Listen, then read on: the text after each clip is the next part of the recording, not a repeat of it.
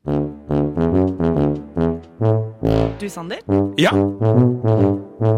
Hvorfor har du blitt så smart i det siste? jeg vet ikke, jeg har spist epler og havregrøt, og så har jeg hørt på opplysningen, da. På Radio Nova. Ja. Eh, vi har jo snakket om kvinnedagen i dag. Eh, og kvinnekampen eh, går jo i forskjellig tempo eh, rundt om på jordkloden.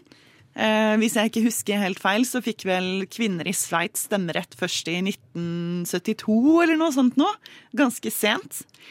Eh, og selv om vi fortsatt har eh, noen ting å ta igjen her i Norge, som Alexander fant ut i sitt innslag, så fins det jo andre steder hvor kvinnene har det ganske mye verre, eller hva, Helene?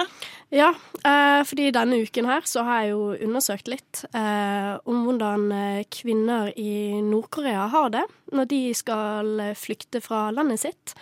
Og det jeg fant ut, er jo at de, de tar en så sinnssykt stor risiko når de skal flykte fra det regimet i Nord-Korea. Og det er egentlig bare helt utrolig, det de går gjennom, og det er så tøft.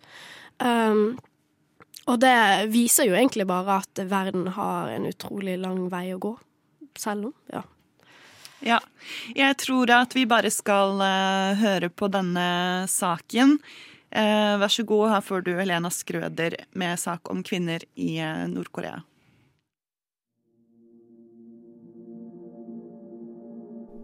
Siden 1953 har mellom 100 000 til 300 000 nordkoreanere flyktet fra Nord-Korea.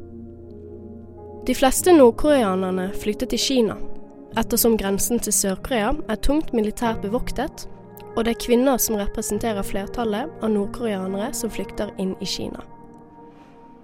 En av grunnene til at de krysser grensen, er mangel på mat, eller andre grunner til at det er vanskelig å overleve i sitt eget land.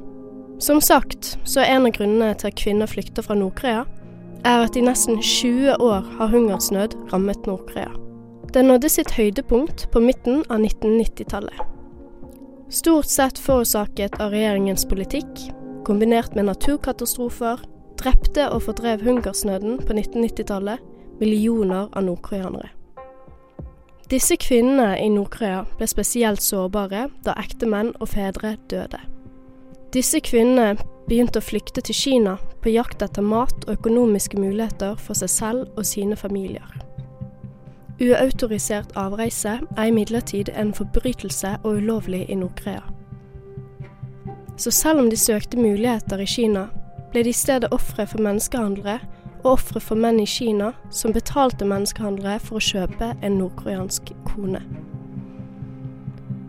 Disse ekteskapene som kvinner inngår, ofte gjennom tvang, har ingen offisiell status i Kina og gis ingen juridisk beskyttelse. Kvinnene i disse ekteskapene er ofte fanget, ute av stand til å flykte.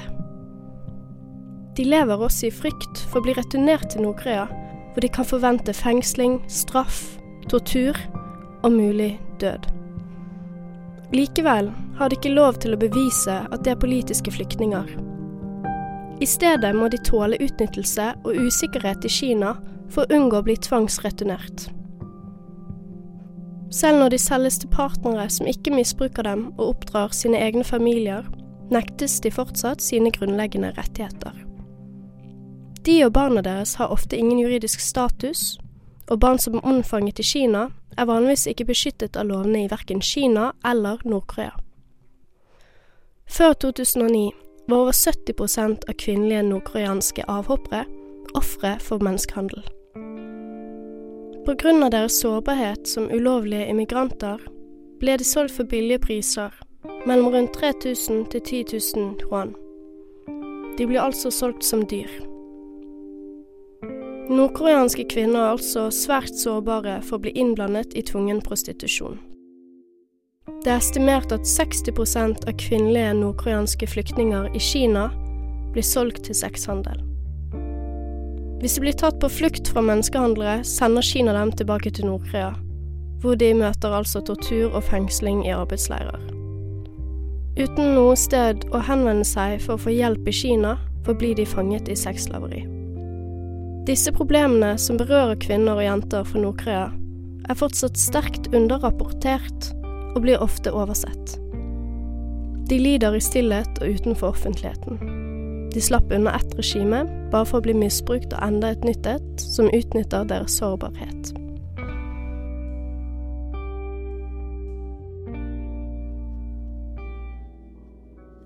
Og reporter i denne saken var altså Helena Skrøder, og musikken var hentet fra Blue Dot Sessions.